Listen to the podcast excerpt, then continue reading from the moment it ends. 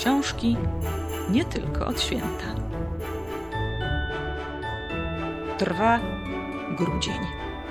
Przed nami jeden z najpiękniejszych i najbardziej wyczekanych okresów w roku Boże Narodzenie. Grudzień, Adwent i święta to emocje, przeżycia, tradycje, ale też nie oszukujmy się czasem rozgardiaż i szaleństwo. To również świąteczne książki, bez których wielu czytelników nie wyobraża sobie przygotowań i samego świętowania. Dziś można już chyba mówić o nowym gatunku, jakim są powieści świąteczne. W tym roku zapowiedzi takich książek widziałam już 4 września. W połowie października książki z choinkami i śniegiem na okładkach były już obecne na księgarskich półkach, a na początku listopada krążyły wśród czytelników biblioteki. I choć wielu może twierdzić, że to za wcześnie, to wiemy, że książki świąteczne mają swoich wielbicieli, którzy chcą z nimi przejść na przykład przez nie zawsze lubiany listopad i nastroić się na święta z większym wyprzedzeniem. Ale poza współczesnymi powieściami świątecznymi, także w historii literatury znajdziemy książki, które od lat stają się świątecznym wyborem kolejnych pokoleń czytelników na całym świecie.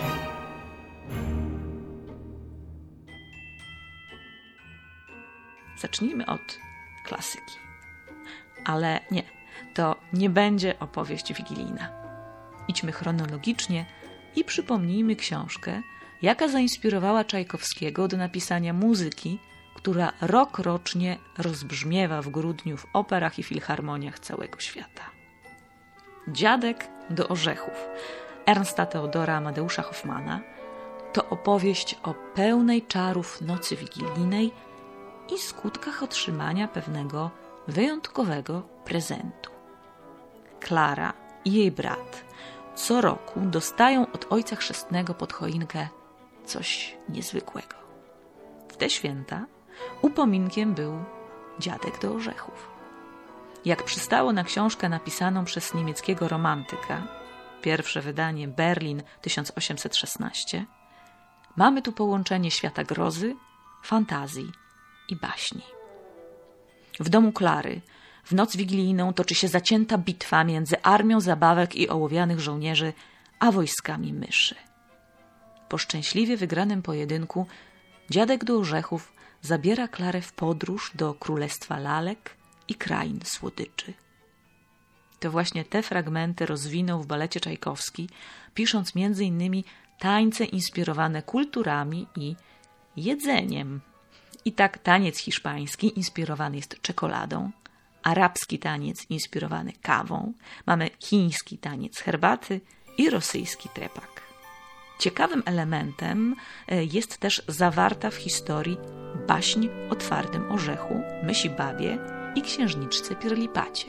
A losy Klary i dziadka kończą się tak, jak to w baśniach bywa. Bardzo szczęśliwie. Tym bardziej, że owy dziadek do orzechów okazuje się tak naprawdę... Mm, nie. Trzeba przeczytać, żeby się dowiedzieć.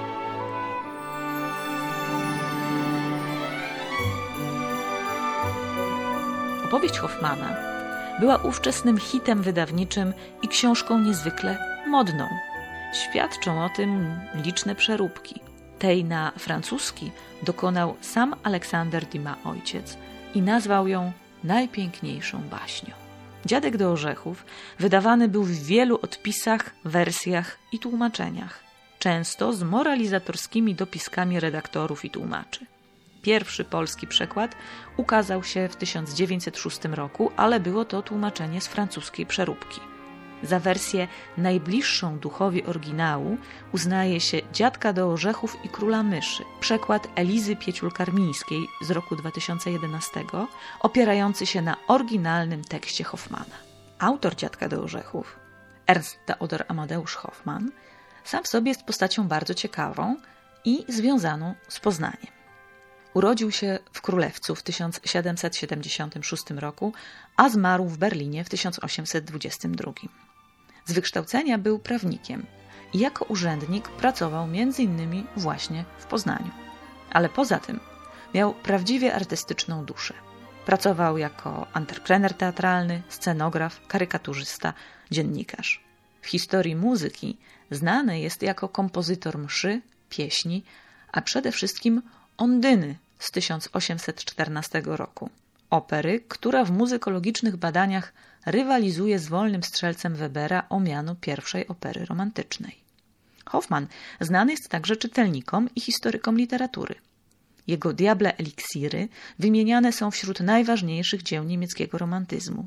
A w jego powieściach fantastycznych dostrzec można to, co charakterystyczne dla literatury jego czasów: baśń, fantastykę i grozę, przenikające się z ludowym folklorem i filozoficznymi przemyśleniami. Co więcej, jego literatura miała duży wpływ na twórców uznawanych dziś za ojców kryminału i fantastyki Edgara Allana Poe i Howarda Phillipsa Lovecrafta. Poza sztuką, Hoffman był wielkim miłośnikiem kotów, a połączenie sympatii do tych zwierząt i muzyki znajdziemy w książce Poglądy na życie kota Mroczysława. Współczesnym melomanom autor Ondyny chyba bardziej niż jako kompozytor znany jest jako bohater opery. Opery Offenbacha opowieści Hoffmana, która w libretcie odwołuje się do hoffmanowskich tekstów. Wielbiciele baletu powinni kojarzyć Hoffmana nie tylko z Dziadka do Orzechów Czajkowskiego, ale także Kopeli Leo Deliba, powstałej na motywach opowiadania Zandman, czyli Piaskun. To krewny tego andersenowskiego Olego Zmruż Oczko i Piaskowego Dziadka, którego część naszych czytelników pewnie zna ze starej dobranocki o Piaskowym Dziadku i piosenki Dziadku, drogi dziadku, nie chcemy jeszcze spać. Hoffman i jego dzieło to jeden z najlepszych przykładów na możliwe połączenia i przenikanie się sztuk. A Dziadka do Orzechów polecamy. Dla emocji związanych z walką dobra i zła, malowniczej podróży przez krainę, gdzie królują pierniki, marcepan i czekolada.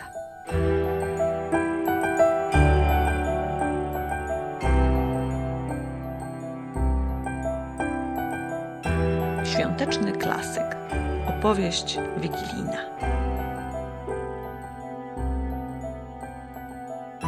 To bez wątpienia świąteczny hit wszechczasów. Od momentu wydania w 1843 roku opowiadanie Charlesa Dickensa wciąż jest znane i wielokrotnie adaptowane na potrzeby radia, teatru i filmu. O ogromnej popularności tej historii świadczyć może, że jej pierwsza filmowa adaptacja pochodzi z roku 1901. A w bohaterów historii wcielali się przez lata nie tylko popularni aktorzy, ale także mapety, Flintstonowie i postaci z kręgu myszki Miki. Opowieść wigilijna znana jest większości czytelników i odbiorców kultury. Znamy historię skąpego bogacza Ebenezera Scrooge'a, którego w Wigilię nawiedzają duchy przeszłych, teraźniejszych i przyszłych świąt, dzięki którym Scrooge zmienia swoje postępowanie, zaczyna dostrzegać ludzi i ich problemy. Pomysł na historię o nierównościach społecznych miał wpaść Dickensowi do głowy, gdy ten uczestniczył w zbiórce dla ubogich mieszkańców Manchesteru. Nie bez wpływu na kształt opowieści wigilijnej był też zbiór opowiadań pracownic fabryk włókienniczych w Lowell, który autor przywiózł z podróży do Stanów Zjednoczonych. Wśród spisanych przez kobiety historii znalazł m.in. opowieści o odwiedzaniu samotnych bohaterów przez pamięć i nadzieję. Zainteresowanych genezą świątecznego hitu informujemy poza tym, że Ebenezer Scrooge istniał naprawdę, a nawet było ich dwóch. Ebenezer Lennox Scrooge był handlarzem zaopatrującym w żywność dwór Jerzego IV Hanowerskiego. Na jego nagrobek natknął się Dickens podczas spaceru po przykościelnym edynburskim cmentarzu. Temu, iż pisarz zapamiętał go jako skąpca, winne jest zapewne błędne odczytanie inskrypcji nagrobnej. Zamiast Milman, czyli handlarz jedzeniem, Dickens odczytał Minman, czyli zły człowiek. Do tego Dickens czytał bardzo wówczas popularną biografię posła Johna Eulasa, pochodzącego z niezwykle skąpej rodziny. Opowiadano o nim m.in., że aby oszczędzać na świecach, chodził spać tuż po zapadnięciu zmroku, a gdy wracał do domu w przemoczonym ubraniu, żal mu było rozpalać w kominku. Podobno jego stroje były tak zniszczone, że ludzie na ulicy wciskali mu do ręki pieniądze, myśląc, że jest żebrakiem. Ta przesadna oszczędność nie była jednak przejawem egoizmu i chęci pomnożenia majątku. Eulas pomagał biednym i udzielał potrzebującym pożyczek, także tych bezzwrotnych. Dzięki temu został przez ludzi zapamiętany jako ekscentryk, ale przy tym człowiek bardzo uprzejmy i taktowny. Kwestie finansowe dość mocno łączą się z historią opowieści wigilijnej. Dickens wyczuwał w swoim tekście potencjał bestsellera. A ponieważ winą za niepowodzenia poprzednich książek obciążał wydawców, to opowiadanie postanowił wydać sam. Liczył na sukces artystyczny i finansowy. I o ile artystyczny wymiar książki był bezdyskusyjny, to finansowo nieco się przeliczył. Fakt. Cały nakład 6 tysięcy egzemplarzy wyprzedał się w trzy dni ale koszty własne sprawiły, że autor, zmagający się z długami karcianymi, a także stojący w obliczu wydatków związanych z narodzinami dziecka, nie był w pełni zadowolony. Co więcej, książka trafiła też do nielegalnego obiegu, czyli mówiąc wprost, była piracona. Dickens stracił nie tylko na nielegalnych kopiach utworu, ale także na kosztach procesu, który wytoczył pirackiemu wydawcy. I ten rozwiązał sprawę, ogłaszając upadłość. Oryginalnym w tych czasach sposobem na promocję dzieła było czytanie przez Dickensa opowieści wigilijnej na głos.